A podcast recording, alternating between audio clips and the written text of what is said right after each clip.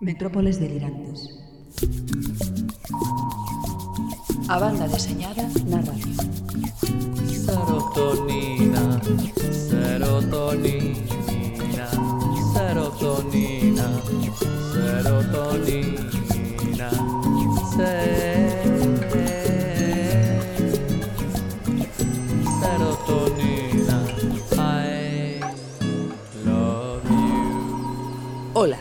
Son Nieve Rodríguez. Aquí comeza a trixésima emisión das Metrópoles Delirantes.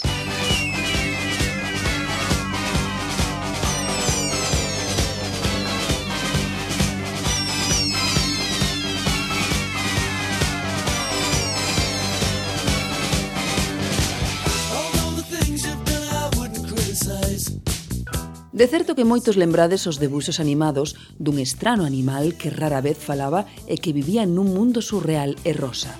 Nos lembretes de hoxe falamos de la pantera rosa.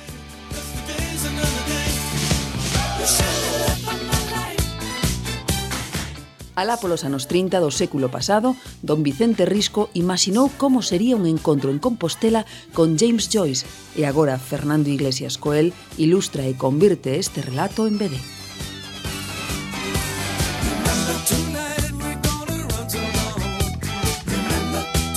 Hai unha tribuna armórica que só ten medo a que o ceo se desplome sobre as súas cabezas. O señor B inscribe na súa lista de imprescindibles os galos máis famosos do mundo, Asterix e Obelix.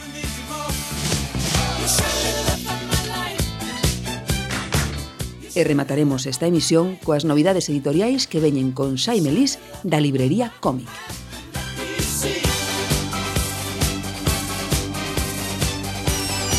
O noso técnico Manolo Fidalgo xa largou as amarras. Partimos xa.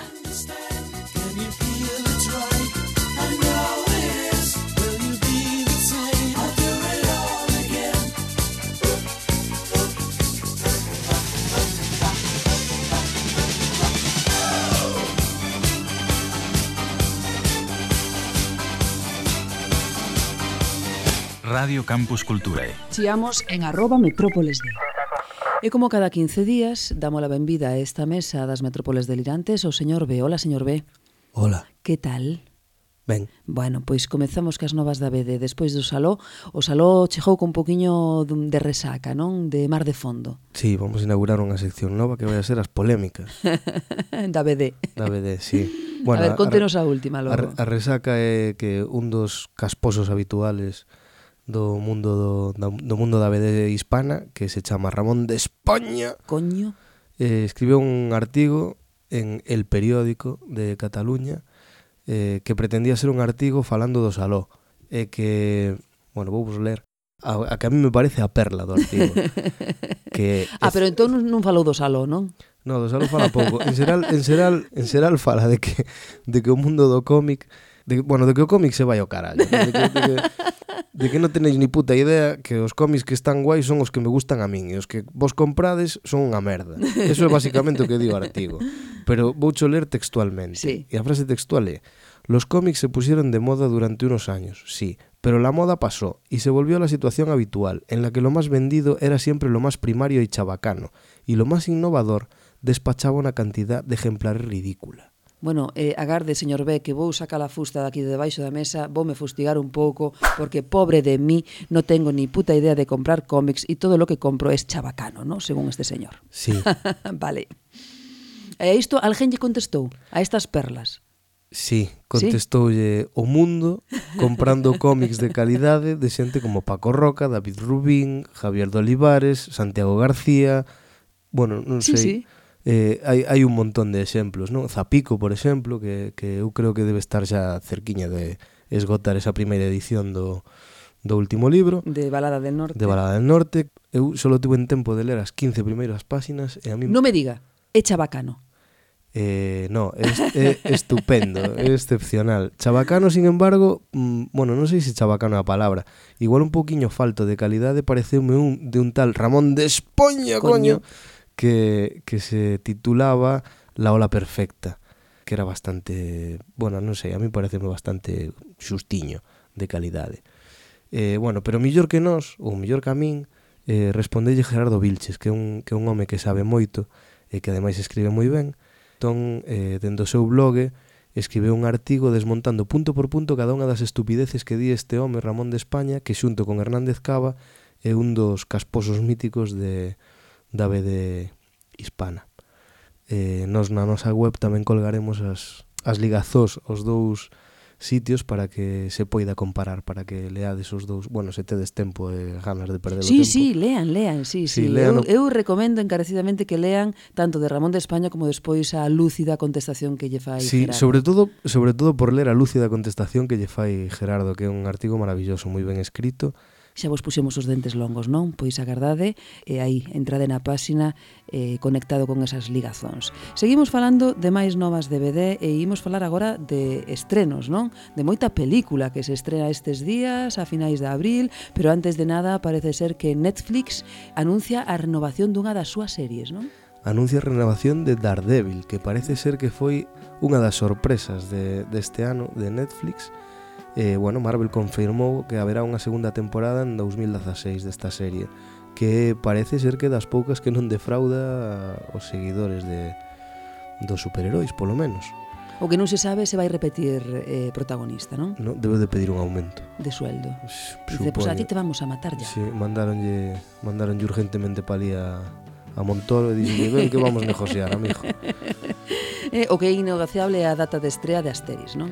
O 30 de abril é a data escollida para, para estrear esta nova película de animación de Asterix que se vai titular La residencia de los dioses que é o mismo título que leva o álbum que adapta e que ten moi boa pinta, moitísimo mellor que as de Depardieu and Company. And Company, non? Sí, probablemente de moita menos pasta, pero... Bueno, deixémolo aí, deixémolo aí, sí, señor Ben, non nos metamos sí. en xardíns floridos que despois saímos mal parados.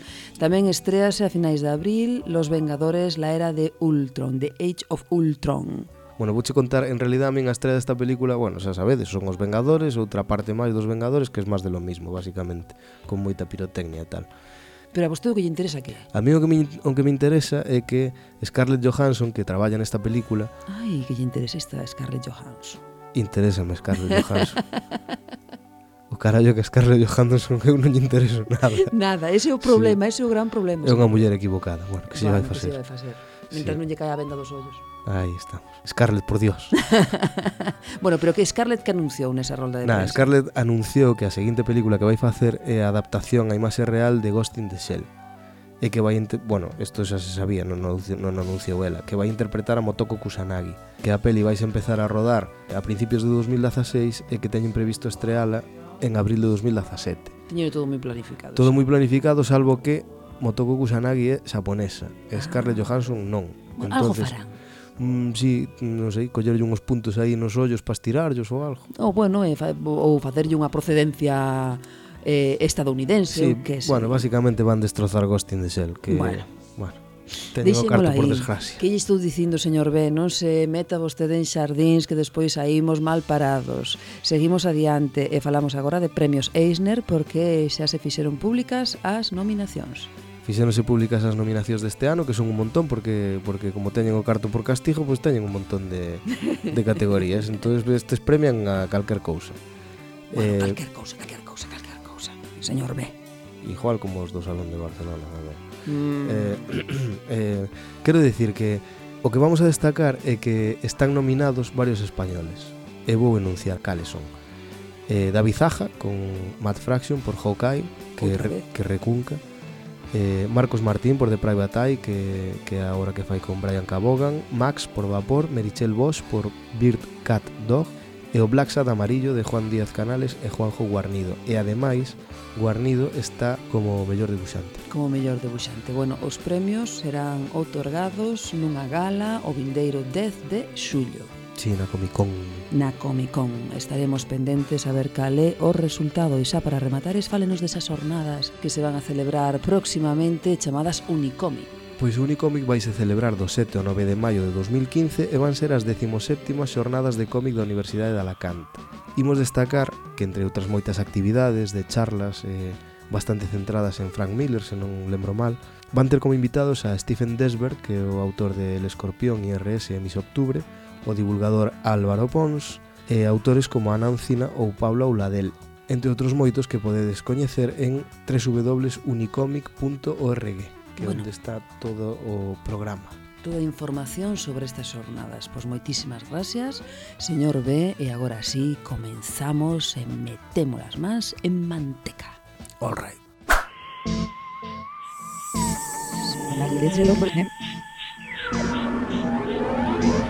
metrópoles delirantes.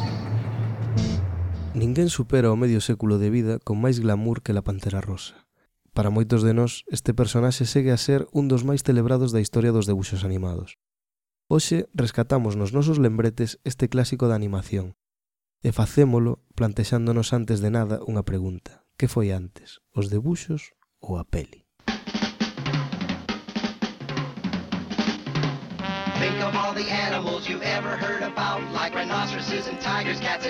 A Pantera Rosa é un personaxe de animación que naceu para aparecer no principio e nos créditos finais da película de igual título do ano 1963.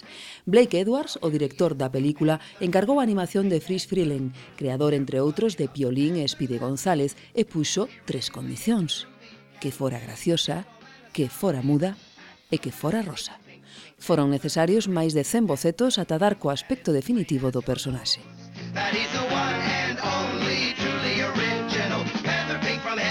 A animación chamou tanto a atención que pouco despois da estrea da película xa era portada da revista Time e os produtores plantexáronse a viabilidade de facer un spin-off do personaxe nunha serie propia de animación. A Pantera Rosa comezou a súa andaina nunha curtametraxe de animación titulada The Pink Think, que gañou o Óscar e que en realidade era o piloto para a serie de animación. A partir de aí, máis curtametraxes é unha serie de televisión que con numerosas redifusións emitiuse entre 1964 e 1977. A pantera rosa ten un andar peculiar e recoñecible e pura elegancia felina con estilo aristocrático inglés pero co espírito lisérxico dos anos 60. Non tiña unha liña temática, pero si sí unha divertida obsesión polo rosa e a capacidade de atopar un punto cómico a calquera situación cotiá, ás veces convertindo todo nun gran absurdo.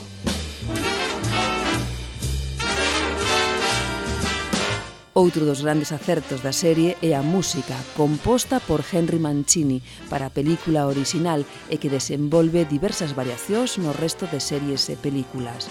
Un tema de jazz cun recoñecible saxo tenor como principal elemento.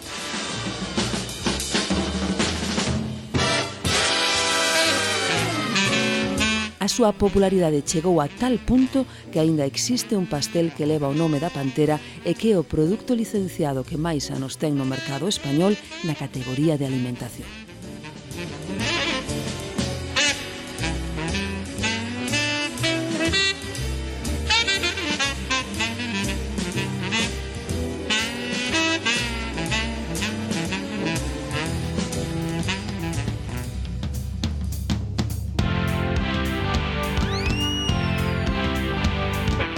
Estudio 54 está a celebrar os 21 anos de historia do Xabarín Club. E para iso, sorteamos entre os acertantes desta pregunta un agasallo moi especial por cortesía do mesmo Xabarín.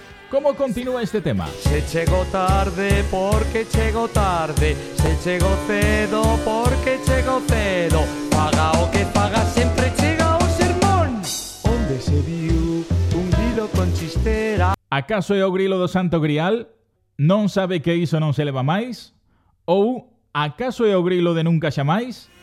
Envía a túa resposta antes do 2 de maio ás 12 da noite a estudio54rcc.gmail.com Entre os que acerten a pregunta farase un sorteo deste agasallo tan especial. Lembra, a túa resposta a estudio54rcc.gmail.com antes do 2 de maio ás 12 da noite.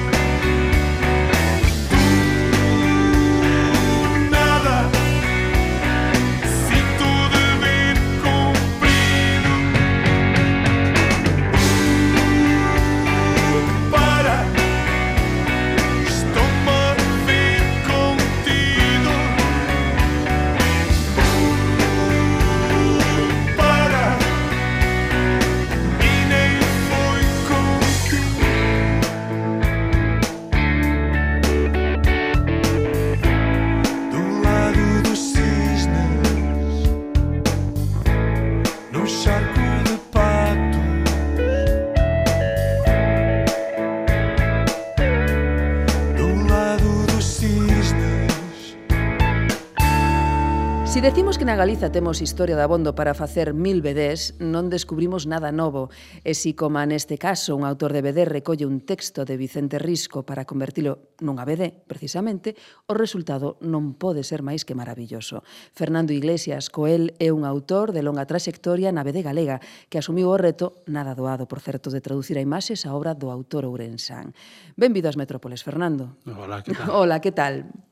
Que tal a viaxe dende, dende Vila García? Pois pues nos tocou o tren lento, pero ah, bueno, sí. Ben, sí, sí, pero sí. bueno, así disfrutades do paisaxe tamén, non? sí, o que pasa é que a Vía Nova é espectacular tamén. Sí, non? Esas, esos, os viaductos son, son bastante espectaculares de ver. Imos falar entón da obra que temos en riba da mesa, De da luz en Compostela, de Coel.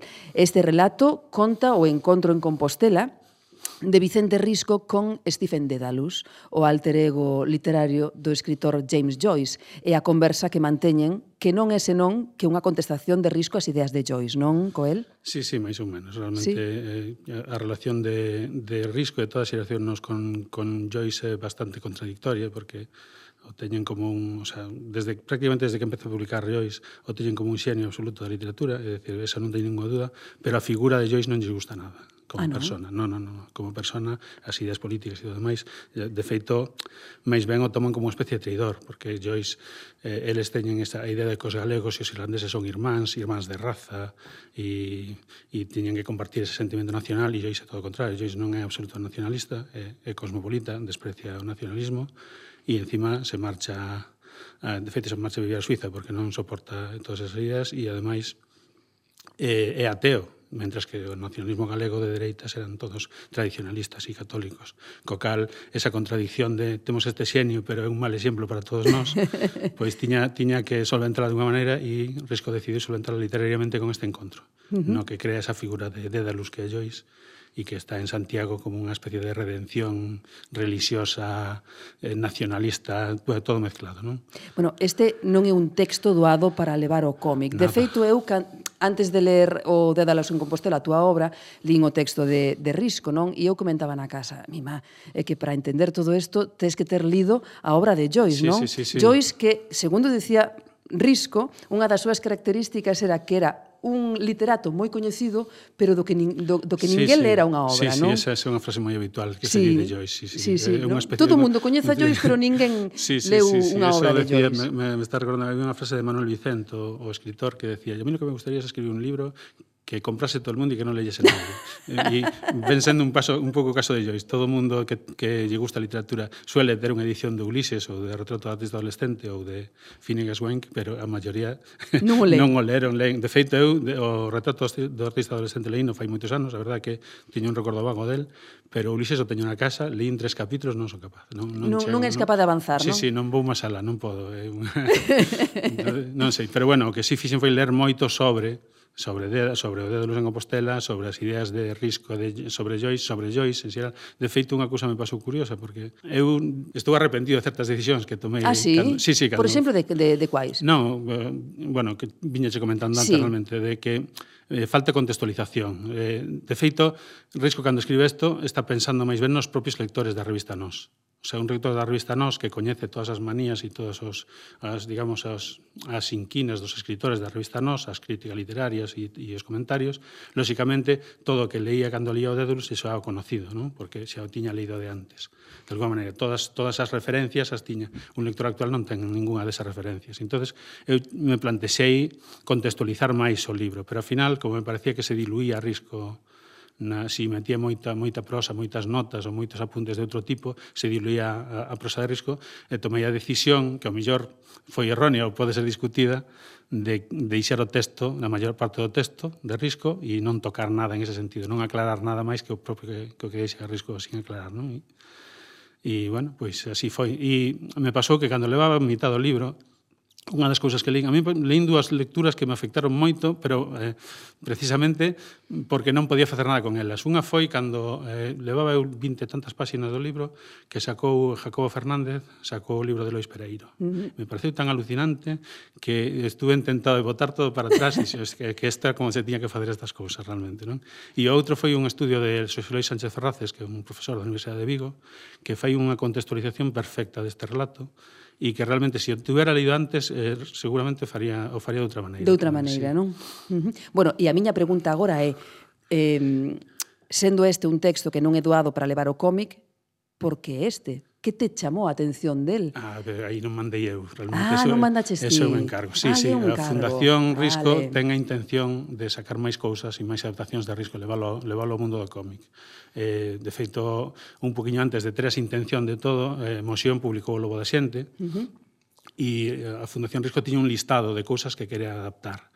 Entonces, ten por aí, no limbo está, non feito por min, sino por bueno, non podo decir o autor, non vai a ser vale, que, vale. que logo non se publique, vale. pero, pero hai outros relatos de risco que están nun listado e este era un dos que, dos que tiñan preferencia. E cando me chamaron para facelo, eu non, non tuve nada que facer, so, decir sí ou non, dixen que sí. Por eso, e, non foi decisión miña. E a medida que vas facendo obra, decías, me cajo, na? Sí. Por que diría sí, sí, eu sí, que sí? Sí, non, non, me topi, non me podía tocar algo moito máis, algo máis, máis fácil, asequible, non? máis, sí, non sí. podo escoller outro relato. Bueno, quedou moi ben, a verdade, a verdade que sí. Tamén che comentaba antes que mm, o marxe de que o texto é casi fiel ao, ao texto sí, original, sí, sí. non? Que foches moi fiel nese, nese sentido. O certo é que acompañar ese texto co debuxo fai máis accesible e amena esta obra de risco, non? Esa é a intención da publicación, non? Sí, sí, en principio sí. Eh, de feito, eu me quedei co eh, o lectura moi superficial do relato que é o que se recolle gráficamente que precisamente o encontro, o libro, o relato original se publicou en 1929. Uh -huh. Se acaba de publicar no 26 se publicara o Ulises.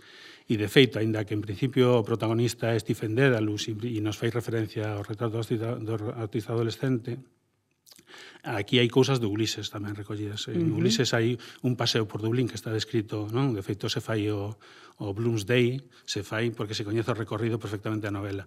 E aquí fa, pasa igual. Risco describe exactamente o paseo que dan por Santiago, e foi o que quixen recoller, polo menos na superficie, e fixen unha sesión de fotos e estas cousas para, para ver con que, con que calles e con que vistas me quedaba. Uh -huh. E o, o paseo está perfectamente escrito e co cómic na man se sigue perfectamente tamén. Bueno, pero... De feito, eh, Martínez Risco, que, bueno, o neto de Risco, sí. que está ahora de, de director da Fundación, eh, quería celebrar que toca ma non, mañán, non, toca o 14 de maio, que cando está ambientada a historia quería celebrar o Dedalus Day. Eh, efectivamente, si... que tamén o li, non? Sí, sí, sí. Se o fan en Dublín o Blues Day, por que non hai aquí o Dedalus sí, sí, Day, non? Sí. Oye, pois pues, habería que, que impulsar tamén ese, ese, ese detalle. Bueno, Eh, a composición das páxinas, imos xa co aspecto formal. A composición das páxinas, a distribución das viñetas é bastante sobria, non sen complicacións sí, sí, sí. innecesarias. Quedei, quedei con un, seis, sí, un ¿no? 3x2, seis viñetas por páxina sí. en casi todas, salvo algunhas fantasías cando falan sí, de, sí. da Santa Compaña ou de algunha cousa peculiar en que si sí rompe un poquinho máis a páxina, uh -huh. pero en xeral... Si sí, ah, é algo mm, sen moita complicación, sí, sí, sí, sen sí. complicacións innecesarias, e eu pregúntame, buscaches algo sinxelo para equilibrar esa complexidade do texto, para non decir, Dios mío, que, que denso é todo.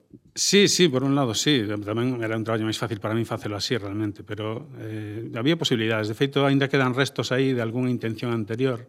Por exemplo, eh, esta viñeta que temos aquí diante, uh -huh. esta é a única parte do texto que non está no Dédalus. É de outro, dunha prosa corta de risco sobre o ídolo tal, e me pareceu que quedaba moi ben con esta parte do paseo, con estas caras da... Bueno, esta, esta casa modernista, que eu creo que se refiren a ela no propio relato, pero porque non lle gustaba nada a Risco, como Ajá. que desentonaba, como que foi un de, era un dente blanco en medio das casas bellas e tal, porque esta casa é de 1915 ou 16. Eh. Bueno, estamos nos referindo á páxina 16 do libro para sí, sí. cando teñades na casa, na segunda viñeta, non? Sí, sí, Empezando sí. por arriba. Sí. Estamos falando desa páxina. En canto de buso, bueno, liña clara.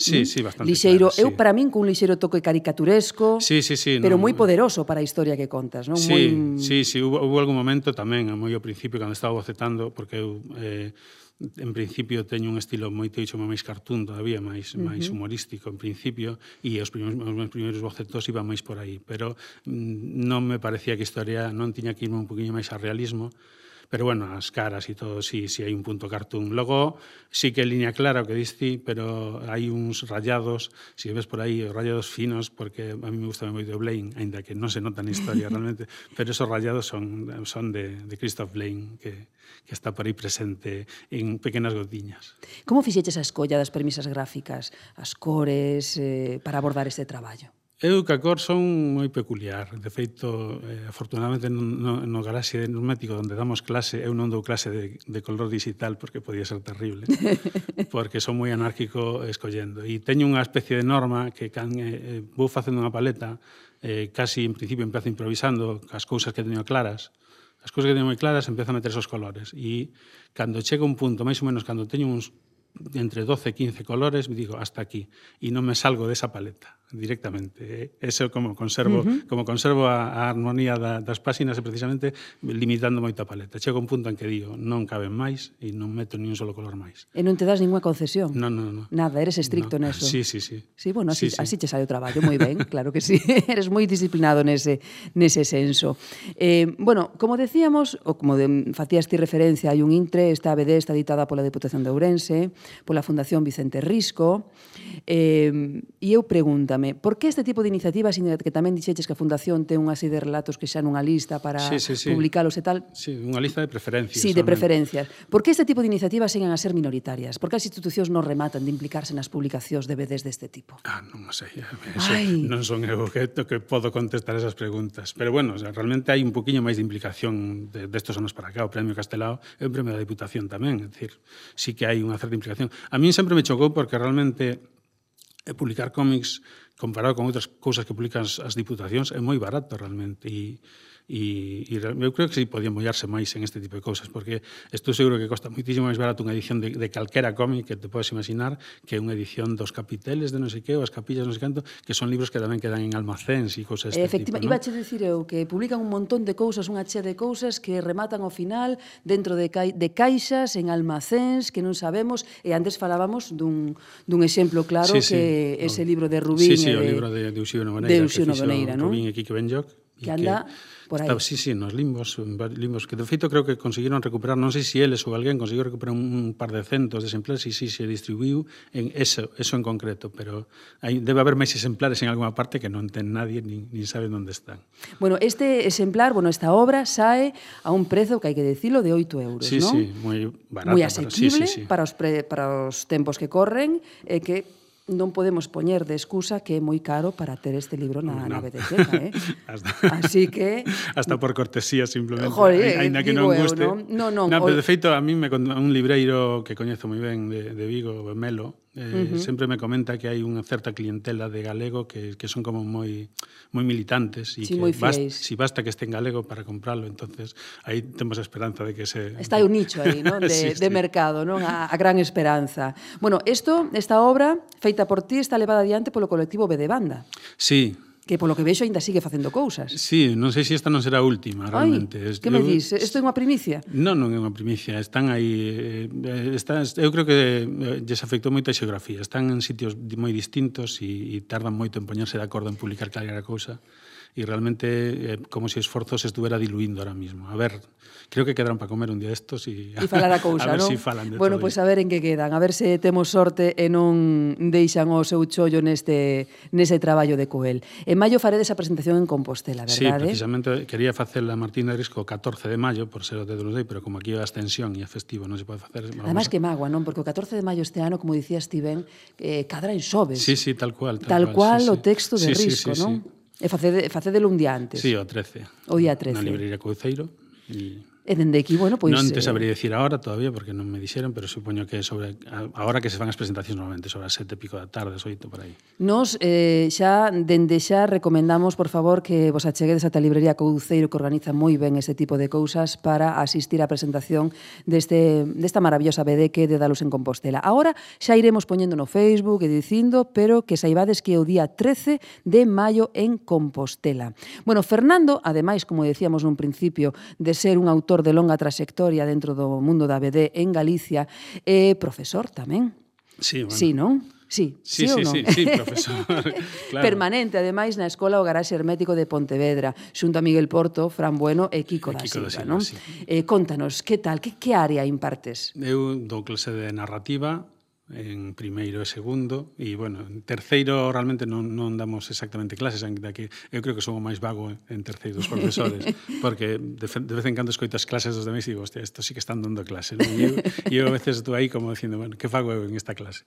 porque son tutorías realmente, non? E, son clases de apoio despois dou clase de acrílico, o sea, color tradicional que como chamamos a asignatura en primeiro de aquí coa acuarela e en segundo do acrílico e despois deu clase de dibuixo BD, que tamén lle chamamos porque temos dividido dibuixo BD e dibuixo artístico. Por, porque digamos que o dibuixo de, de, de, de, de banda deseñada é unha especie de dibuixo aplicado ou de, pensando en síntesis gráfica e tal. E esas son as asignaturas, esas tres bueno, tres anos xa de garaxe hermético. Sí, estamos agora con vai terceiro. todo moi ben encargado, vai, non? Vai ben, sí, sí. Pode ir millor, de todos modos. Quero decir, eh, en número de alumnos e tal, eu creo que superamos incluso as nosas, as nosas expectativas, por aí non houve problema, pero eu sí que lamento un par de... O sea, eh, como os tres anos foron funcionando como criba e se nos foron indo alumnos que agora están en terceiro, eh, eu creo que hai un par de alumnos de terceiro que eu os voto de menos, que podían estar en terceiro agora e, e realmente teríamos máis... Eh, non sei, estaríamos todos máis felices. Non, non só polo o número de alumnos e as matrículas, sino polo, pola obra que tiñan, que tiñan na, na mente. Bueno, eh, tamén vai o garaxe hermético que vos deixou tempo a Fran Bueno, a Kiko e a ti, que xa sacaste sobra este ano. Miguel Porto, outro profesor, ainda non sacou nada. Sinte a presión en riba dos seus ombreiros? Non, intentamos meter, eh? intentamos eh? meter sí, esa ¿no? presión. Sí, sí, de feito, de feito se dou a, a casualidade que fai dous anos ganou Fran o Castelao. O Castelao, o. Ano, o ano pasado gañou Kiko. Sí. E facíamos a broma de te toca a ti, te toca a ti, tal, pero non sei. Non pero sei. El... Sí, sí, de momento fai, Vai como, lento, fai como non? que non. Como que non escoita, non? bueno, bueno. Xa, para rematares, eh, a todos aqueles que queiran apuntarse na Escola Garaxe Hermético que o fagan xa agora, non? Que me parece que vai haber números sí, son, clausos. Son, non, non, hai números, Ainos, non? Sí, sí, sí, vale. son. En primeiro só admitimos 10 plazas porque é o tope de eh, o tope de, dun das, das aulas que é que marca, o mínimo marca un aula e a súa capacidade, son 10 alumnos. Só podemos admitir 10 matrículas en primeiro. Uh -huh. eh, en sábados todavía sempre hai posibilidades de entrar Eh, porque de feito posiblemente cambiemos un poquinho o sistema dos sábados, non quero decirlo eu, tendrá que decirlo Kiko no seu momento, pero posiblemente cambiemos un poquinho o sistema dos sábados e, e se abran máis máis ventanas de oportunidade, pero para, para o curso quedamos os sábados nada máis. Pois aí está, eh, nos iremos adiantando o que pase no garaxe hermético tamén. Fernando, Moitísimas gracias por Nada, estares con nós para vir falarnos un pouco deste Dédalus en Compostela que nos dende xa recomendamos que vaiades ás librerías a mercalo e que o teñades na casa e que lle botedes unha ollada a este texto de risco que se publicaba alá polo ano 1929 sí. e que agora mesmo está en BD en riba da nosa mesa. Eh, felicidades polo traballo. No, moitas gracias. E gracias e ata a próxima. Gracias a vos. Pois, gracias, sí, sí. Fernando. E, e habrá pois, non te Pois sí, non? Que haberá, sí, sí. Hai... non sei se preguntarche a ver que pasa aí. Hai proxectos. Sí, hai proxectos. Sí, sí, sí, sí. Oye, pois pues mira, agora vouche preguntar, a ver, en que estás traballando? Estamos, eh, nós fixemos, Carlos e Portela e Meiseu, fixemos fai moitos anos un libro que se chamaba Impresiones de la Isla, non sei se che soa, estuvo nominado só en Barcelona, no 94 xa, ahora cumplimos 20 anos con ese, e estamos revisando, estamos intentando preparar unha edición para que se publique en A3 grande, con, bueno, con color, con unha serie uh -huh. de aspectos que son moi peculiares, porque estamos con, facendo unha especie de falsificación moi extraña con, con ese libro. E que nos facer unha reedición, claro. E está, digamos, está en capilla. Está en capilla. sí, sí. Bueno, pois chamaremoste para falar de eso tamén, eh? Alegrámonos. Carallo, que ben vai o garaxe hermético que che deixa tempo para todo. Sí, señor. Moitas grazas, Fernando. Nada, nada.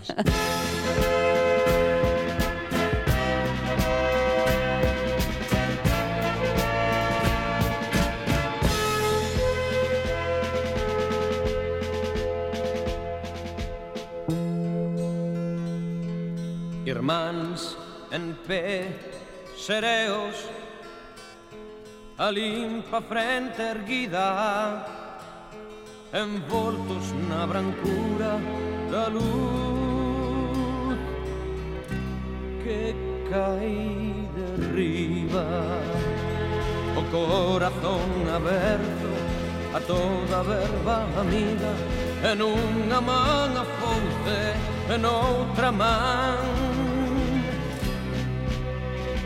oliva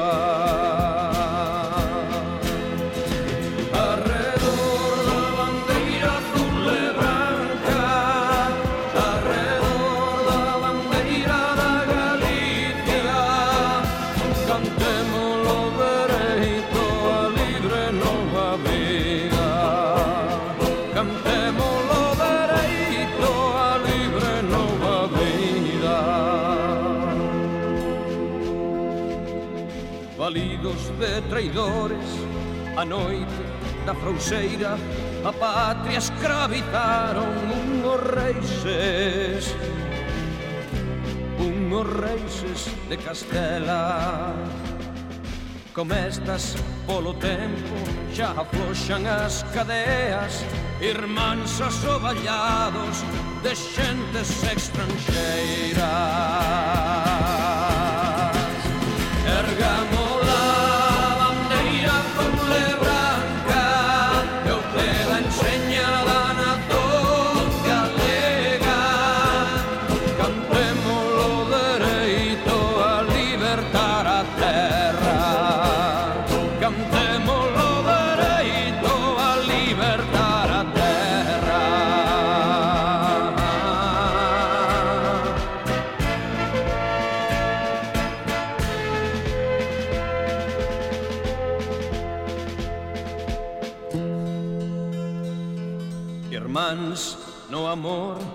a sue vie delle scendarie historia en pe en pé dispostos a non morrersi in loita. O dia do medulio con sangre chente e roscia mercamo mercamo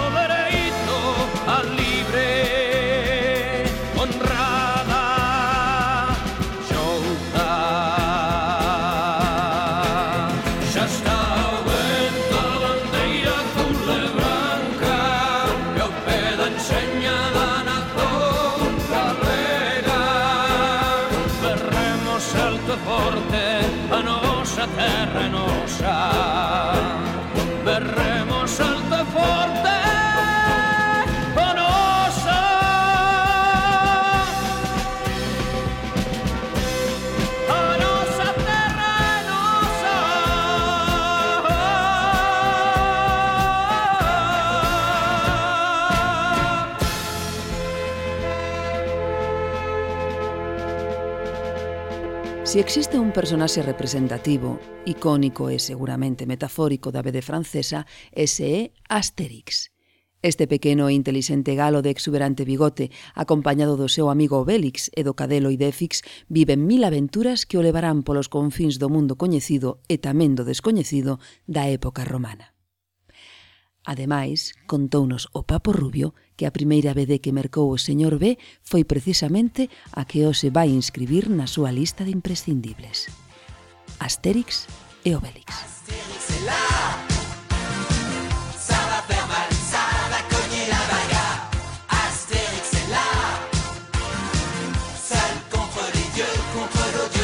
No ano 1959, o guionista René Goscinny e o dibuixante Alberto Dersó crean os que serían os seus personaxes máis coñecidos, Asteris e Obélix.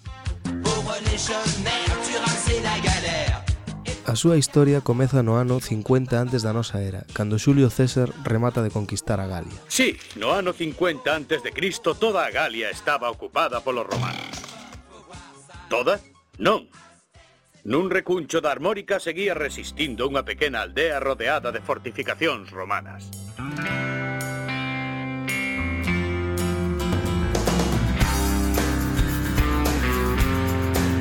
Na aldea gala onde viven Asterix e Obélix, a vida pasaría sen máis preocupación que a caza do xabarín, os menires e algunha que outra disputa pola calidade do xénero que vende o peixeiro, de non ser pola obstinación dos romanos en conquistar a aldea. Feito que sempre remata con Asterix e Obélix embarcados nunha nova aventura coa que poñer a proba as súas capacidades. Recorcio o romano! Inútil tentalo de novo. Ben sabes que será unha desfeita. Eses tipos non son humanos. Boidas. pero son ordes do César. Quen sabe, o mellor desta collémolos por sorpresa.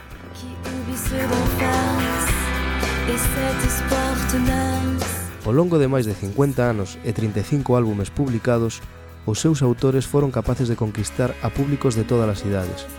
Os guións de Goscinny, inzados de intelixentes xogos de palabras e brincadeiras, están tan ben fiados como para ser comprensibles e divertidos para públicos moi novos e tamén teñen varias lecturas posteriores que destilan ironía, retranca e mensaxes máis complexas para lectores adultos. O debuxo de Uderso, cun estilo narrativo gráfico impecable, é un complemento perfecto para transmitir o virtuosismo dos guións. Cun estilo caricaturesco e divertido, enriquece as historias e a cada unha calidade superlativa que o convirteu nun referente da BD mundial. O éxito da serie foi inmediato. Goscinny e Uderzo adaptan sabiamente a historia e ata se permiten algúns anacronismos.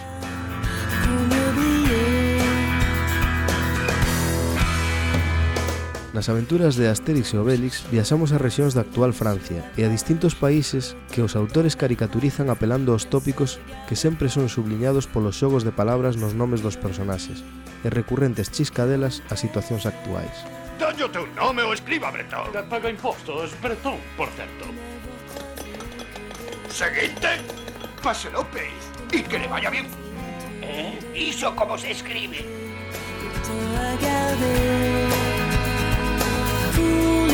Poderíamos dividir a longa vida de Asterix en tres etapas.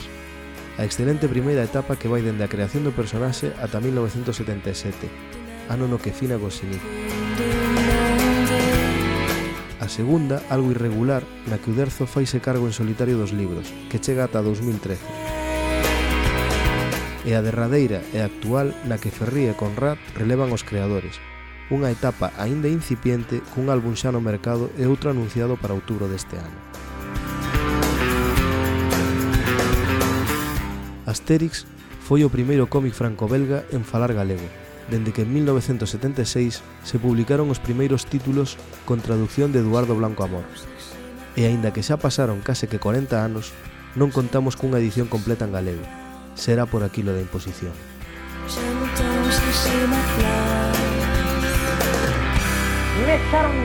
Delirante en el Colacao. E como sempre na recta final do programa chegamos o tempo das novidades que hoxe nolas trae Xaime Lís da Libraría Cómic de Santiago de Compostela. Hola Xaime. Hola, moi boas. Benvido unha semana máis. Moitas gracias. Bueno, dende a última vez temos que facer referencia a esa quiniela famosa que fixemos do Saló que non acertamos ningún, non? Bueno, bueno un, as meninas. As meninas. No, Ahora, o de, do resto... O de Saga foi realmente sorprendente. Verdade, difícil. Eh? Acertamos o difícil, eh? o das meninas. sí, e logo o de, o de autorrevelación tamén tamén Miki Monjo, tamén... Uh -huh. Eh, Aquí apostábamos máis por Mamen.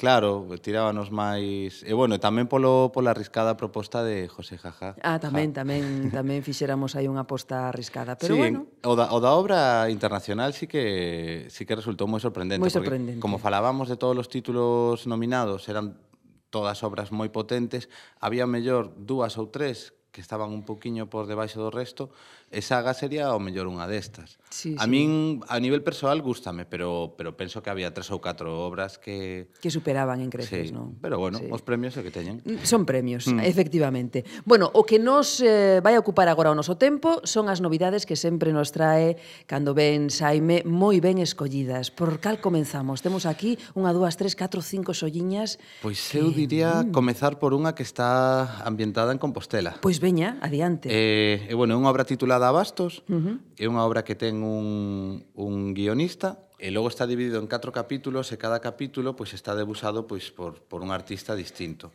O, o guionista chamase Francisco José Abelleira, A verdade é que non, non teño o gusto de coñecelo, nin polo que estiven vendo tampouco tiña obra anterior en banda deseñada. E dentro dos, dos catro artistas hai tres homes e unha muller. E chama un pouco a atención que é unha obra moi, moi daqui, por así dicilo, E, e dos catro debuxantes só hai un que se xa galego, que é ah, Víctor sí. Rivas. E, outro nome bastante coñecido sería Sagar Forniés.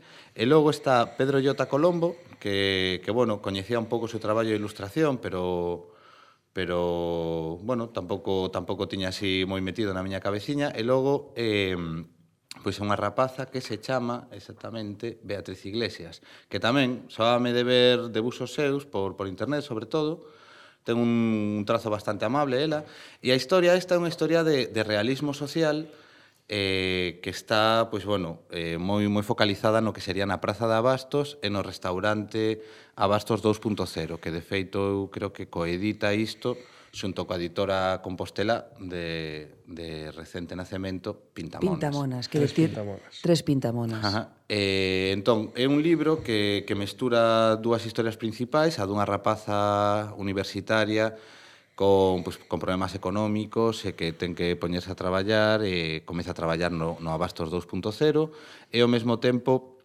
pois un señor, un, un peixeiro da, da praza pois que ten que ten a súa muller pois, eh, co, eh, pois, eh, con un problema de saúde bastante bastante grave.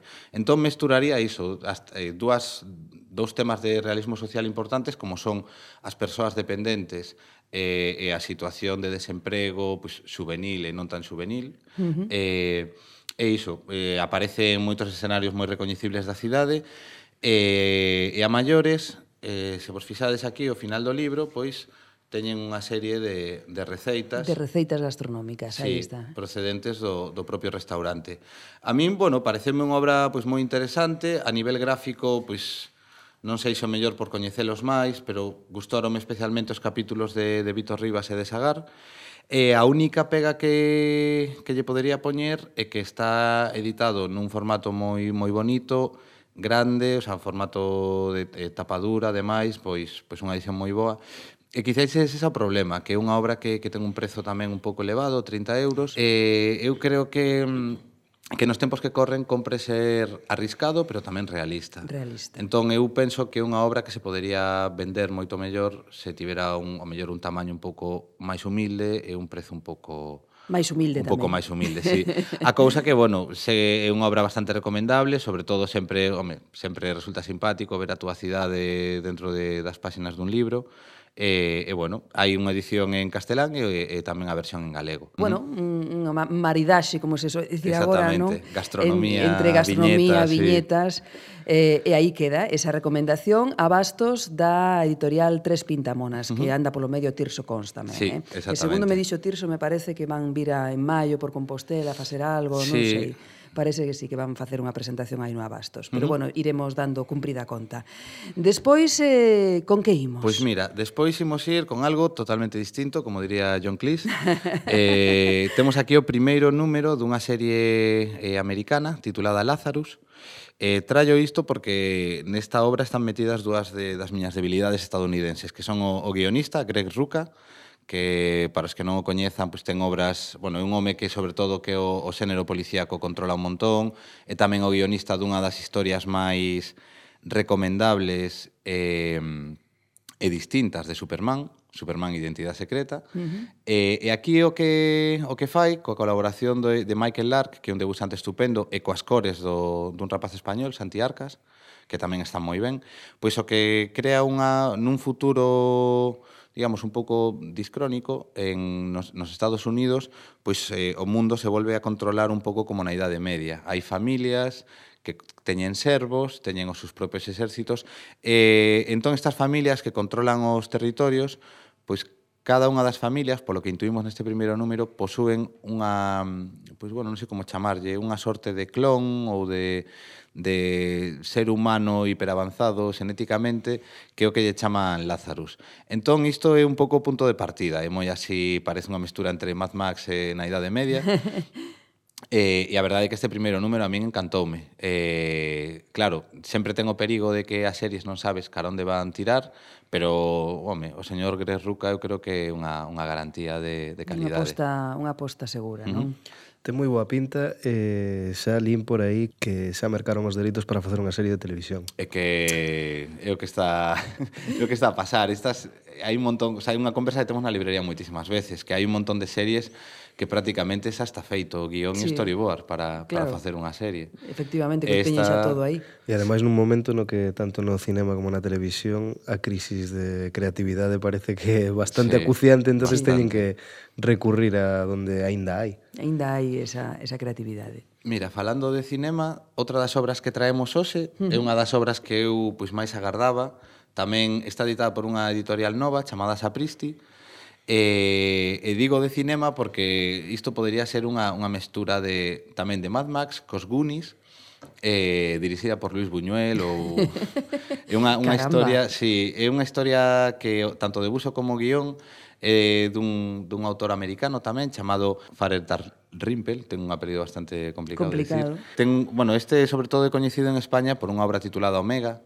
que facía o debuso, unha obra de, de xénero superheroico, que, que a verdade é que estaba bastante ben. Eh, nesta, xa se, bueno, el fai todo, guión, o debuso, a cor, o seu debuso pois é como máis orgánico. A min lembrame un montón a das pastoras, Efectivamente, mm. estaba, estaba, bueno, hai que decir que o título son Sí, Los Gruenchis, perdón. Los Gruenchis.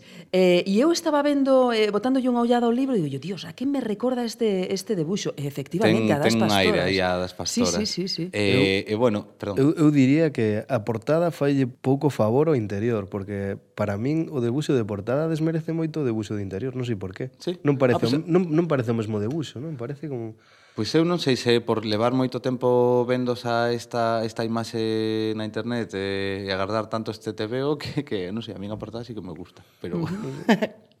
e de que vai? Eh, pois é, é unha, unha historia de ciencia ficción, o nome de, o título Los Grunchis eh, sería o nome dunha pandilla de, de rapaces e rapazas e iso que, pois, que viven nun futuro pois, un pouco escuro ten aventura, ten acción, ten surrealismo. E, bueno, a verdade é que é unha obra moi moi recomendable. Uh -huh.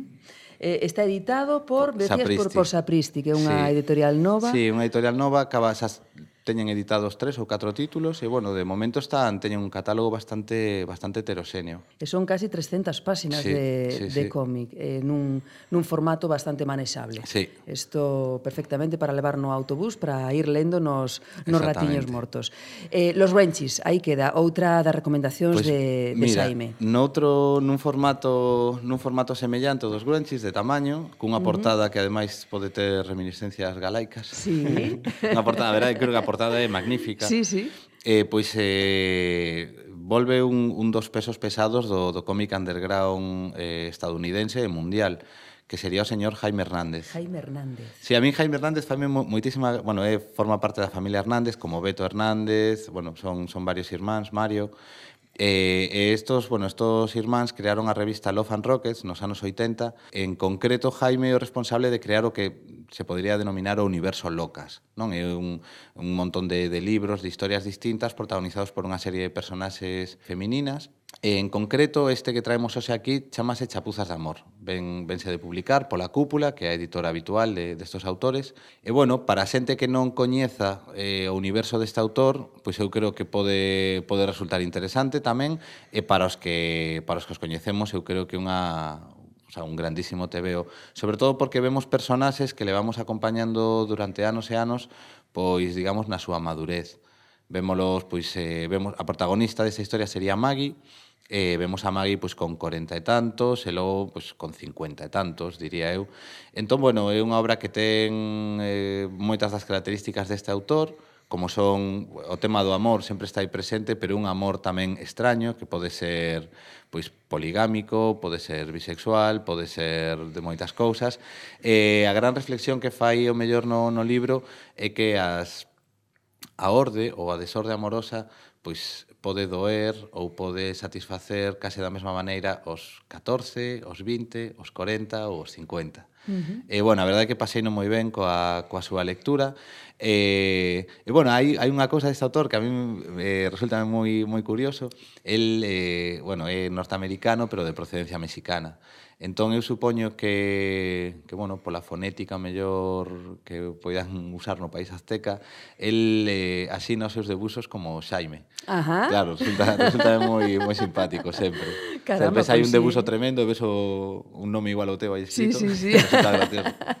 faiche, faiche gracia, non? Sí.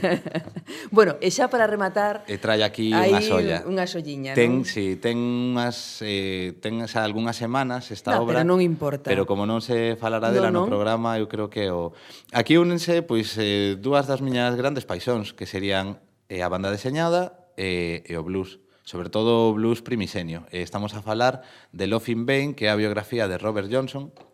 Robert Johnson tamén, para a xente que non o coñeza, é como é un home que non sei se é máis lenda que realidade, eh, é un dos pioneiros do Delta Blues, E as, as poucas grabacións que fixo, entre ano 35, 36 e ata o 38, pois eh, son obras de referencia pois, para Eric Clapton, para, pois, para Jimmy Page, para Bob Dylan. Eh, era un autor que, bueno, que tivo unha vida bastante, bastante curiosa, non está excesivamente documentada, e creo que unha das, unha das grandes eh, bazas que ten este, este TVO e que recopila moi ben os datos que hai reais sobre el e, e plantexa moi ben nos, nos datos nos que hai dúbidas. Este autor, por exemplo, o sea, este cantante e guitarrista, é, por exemplo, un dos, un dos paradigmas da, da lenda de vender a tua alma ao demo para convertirte nun mm. guitarrista, mm -hmm. e o autor de, bueno, Encrucilladas de Camiños. Eh, que, o que libro... gran película de Ralph Macchio. Sí, sí, creo que... é broma, eh? eh? Con Steve Bay, por certo. eh, pois bueno, Robert Johnson iso é un personaxe, tamén foi o, o primeiro dos músicos que morreu a esa idade maldita dos 27 anos. Mm. E logo seguiron o seu camiño moitos outros. Sí. Eh, a edición é preciosa. Sí. É da, por así dicilo, da da filial ou do selo que está empregando ECC Comics para, para editar cómic europeo, Spaceman Books, é un formato apaisado, e, e bueno, os, os autores temos aquí o, o guionista Edu Pont, e o debusante Mecho. Mezzo. Mezzo moitos de vos coñecerédelo por obras como Killers ou uh -huh. El rei de las moscas. Eh, ten un, bueno, un estilo gráfico que, que se adapta a perfección á historia de Robert Johnson. Hai páxinas que son auténticos cadros fermosísimos. Eh, Para min é un dos, un dos tebeos do ano con, con diferencia, polo, polo que me toca. Só ten unha pequena pega, que de feito cando falamos un pouquiño, bueno, esta semana, bueno, hai hai pouquiños días falamos dela na na páxina da librería, pero cando cando a nomeamos a primeira vez eu dicía que non me acaba de convencer a opción que que os autores colleron para empregar como figura de narrador. Mm. Non vou non quero facer un spoiler, nin vou desvelar nada, pero pareceme un recurso un pouco doado. Quitando iso, a obra é unha auténtica xolla. Pois, eh, Gráficamente parecen litografías as, sí. as viñetas. Mm. Sí, sí. Eh, bueno, pois... Pois moitísimas gracias, Jaime. Gracias a vos. Como sempre, un luxo terte no programa. Moitísimas gracias por achegarte. Eh, voltaremos a vernos doutra... Son a, se me permitías unha sí. cousiña antes de rematar? Sí. Tamén quería dicir que, aínda que non estean en riba da mesa, nas próximas semanas imos ter novidades dentro da BD Galega pois moi, moi interesantes. Eh, xa falastes hai un ratiño con Fernando sobre sí. da luz en Compostela. Sí, sí. Tamén en breve sairá sairá do prelo o, o cuarto volume da biografía gráfica de Castelao. De Castelao. Titul, Atila. Atila. Atila, exactamente. e tamén acabamos de, de recibir o, o quinto volume de, do Bichero, de Luis Davila. Ah, pois eh, falaremos de todo iso, falaremos tamén cos seus protagonistas, cos seus autores, porque nunha presentación que fixemos aí atrás, bueno, que uh -huh. fixestes aí con, con Manel Cráneo, estuvemos con algúns deles e xa que quedamos para falar, pero está ben que o, que o lembres uh -huh. que hai xente que está traballando a prol da BD Galega e que hai obras que están aí a punto, como diste, de sair do prelo. Moitísimas gracias. Moitísimas gracias a vos. metrópolesdelirantes.com Ata aquí chegou esta edición das Metrópoles na que lembramos a Pantera Rosa, unha estupenda serie de animación que foi revolucionaria polo seu humor intelixente e psicodélico. Con Fernando Iglesias, coel falamos dos paseos que o Dédalus de Joyce andou con Vicente Risco das conversas complexas e de como todo se transformou nunha BD. Asteris e Obélix, os irreductibles galos, que con humor e retranca resisten o imperio romano do ditador Xulio César, foron inscritos na lista dos imprescindibles do señor B, unha BD que hai que ter e da que hai moito que aprender. E para rematar esta emisión, as novidades editoriais que trouxo Xaime Lís, o libreiro de voz agarimosa da librería cómic. Se queredes contactar con nós, podedes facelo en metrópolesdelirantes.com ou no Twitter en arroba metrópolesd. Ali, como sempre, seguimos falando de BD.